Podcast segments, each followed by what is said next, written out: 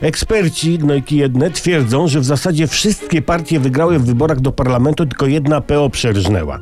No nie słyszałem nigdy większej bzdury. Koalicja pod wodzą Grzegorza Schetyny odniosła spektakularny sukces wyborczy.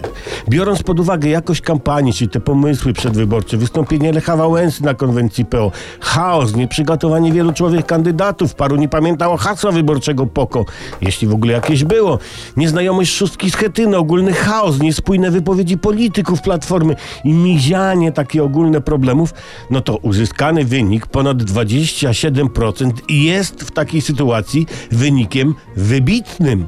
Wybitnym. Można więc powiedzieć, że Grzegorz Schetyna jest wręcz moralnym zwycięzcą wyborów.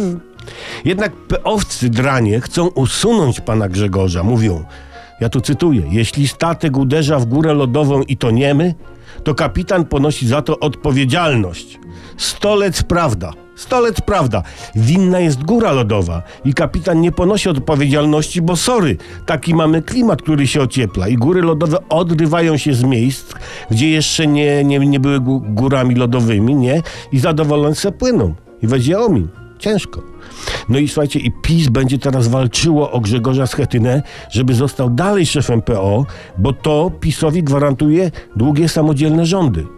Jak, a jak PiS nie ocali pana Grzegorza na stanowisku przewodniczącego PO, to wysunie go jako kandydata PO na prezydenta. Można zatem powiedzieć za ogłaszającym laureata Oscara And the winner is pan Grzegorz.